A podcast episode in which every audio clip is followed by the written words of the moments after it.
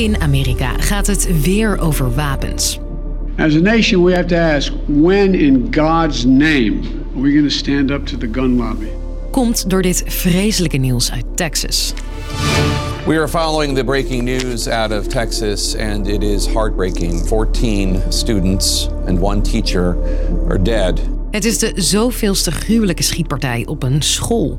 Een 18-jarige schutter schoot uiteindelijk 19 kinderen van onder de 11 dood. With a handgun, he may also have had a rifle. Het aantal doden door vuurwapens neemt in de VS elk jaar toe. Geldt ook voor kinderen. Alleen al in 2020 kwamen er duizend om.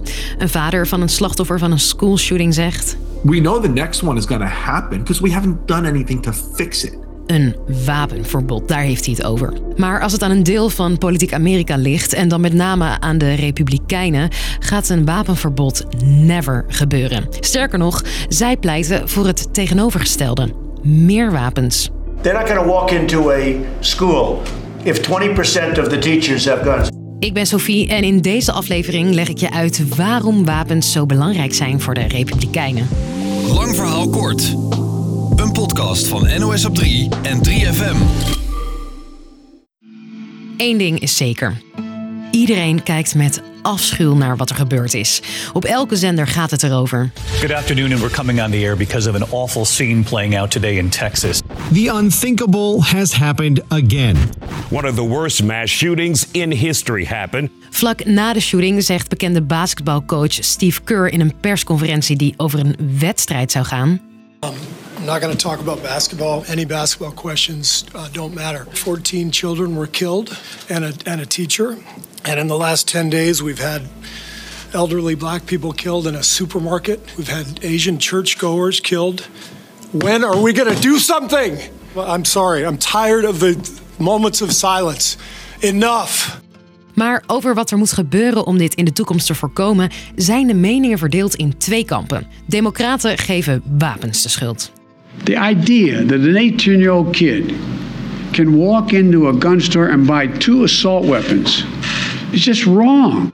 De Republikeinen zullen nooit de schuld leggen bij wapens. It's not the gun, it's the person with the gun. Die geven alleen de dader de schuld, vertelt Hans Klissons. Hij is oud-correspondent en schrijver van een boek over Amerikaanse schoolshootings. Die persoon was uh, waarschijnlijk gestoord, er was iets mis mee. Zij willen juist dat er meer vuurwapens beschikbaar zijn. Zodat er goede mensen met wapens, slechte mensen met wapens kunnen doodschieten eigenlijk voordat ze iets kunnen doen. De discussie over wapens is niet nieuw, speelt al decennia lang en zit dus muurvast. Dat een wapen je belangrijkste bezit is, daar kunnen wij ons in Nederland misschien weinig bij voorstellen. Dus laten we daar wat verder induiken. Wapens zijn om twee redenen belangrijk voor veel conservatieve Amerikanen, vertelt Hans Klis. Eén, het staat voor vrijheid, dus uh, die ongetemde vrijheid van, het, van Amerika, van het individu. Om zichzelf te verdedigen, uh, om te jagen, hè, voor zichzelf te kunnen voorzien. Het recht op het hebben en het dragen van een wapen is grondwettelijk vastgelegd na de onafhankelijkheidsoorlog met de Britten in 1791 in de Second Amendment. Toen had Amerika ook nog geen leger. Dus toen was het heel erg logisch dat dorpen en steden mensen konden optrommelen om hun staat, hun dorp, hun stad, hun land te verdedigen. En zich te verdedigen tegen een eventueel te machtige overheid. Het staat ook symbool voor mannelijkheid. Daarmee kan iemand bijvoorbeeld een, een, een vader eh, voor zijn, voor zijn kinderen zorgen, zijn familie beschermen. Wapenbezit zit dus in het DNA van de geschiedenis van de Verenigde Staten. En is het heel erg opgeklopt als dat het wapenbezit past bij een kleinere overheid. Iets wat de Republikeinse Partij heel erg voorstaat.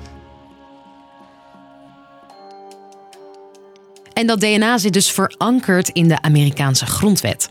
Pogingen van de Amerikaanse regering om het wapenbezit in te perken worden vaak tot op het hoogste niveau in de rechtbank bevochten. Oud-presidenten Obama en Clinton deden vergeefse pogingen om strengere wapenwetten door te voeren, net als Biden nu. Als je een tweede burgeroorlog wil in Amerika, dan moet je nu zeggen dat je de wapens wil afschaffen en innemen. En dan zeggen de wapenbezitters: kom ze dan maar halen. Maar dat is ook niet wat de Democratische Partij wil.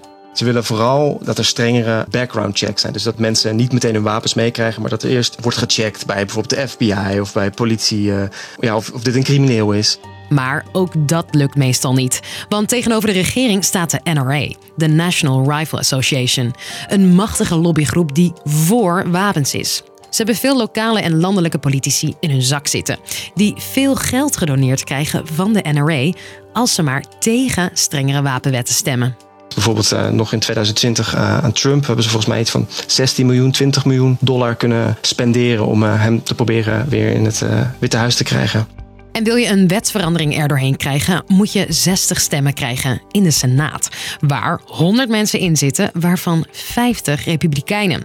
Er moeten er dus een paar overstappen naar Team Democraten. En dat gaat gewoon niet gebeuren. Omdat zij, als, het, als ze dat gaan doen, dan krijgen ze gewoon bonje met de kiezer. Die ze slap gaan vinden, die ze verraders vinden. Na de mass school shootings in Columbine in 1999, Newtown in 2012 en Parkland in 2018 is er weinig veranderd. Het aantal doden is dus alleen maar toegenomen. Ik hoop dat over 20 jaar, als er een nieuwe generatie kinderen is opgegroeid in Amerika, dat dat uh, voorbij is. Maar er moet echt heel veel gebeuren. En ja, de, de bergen die, die daarvoor beklommen moeten worden, die zijn heel erg hoog. Dus, lang verhaal kort. Door de zoveelste massa-schietpartij op een school is het debat over wapenwetgeving in de VS weer opgeleid.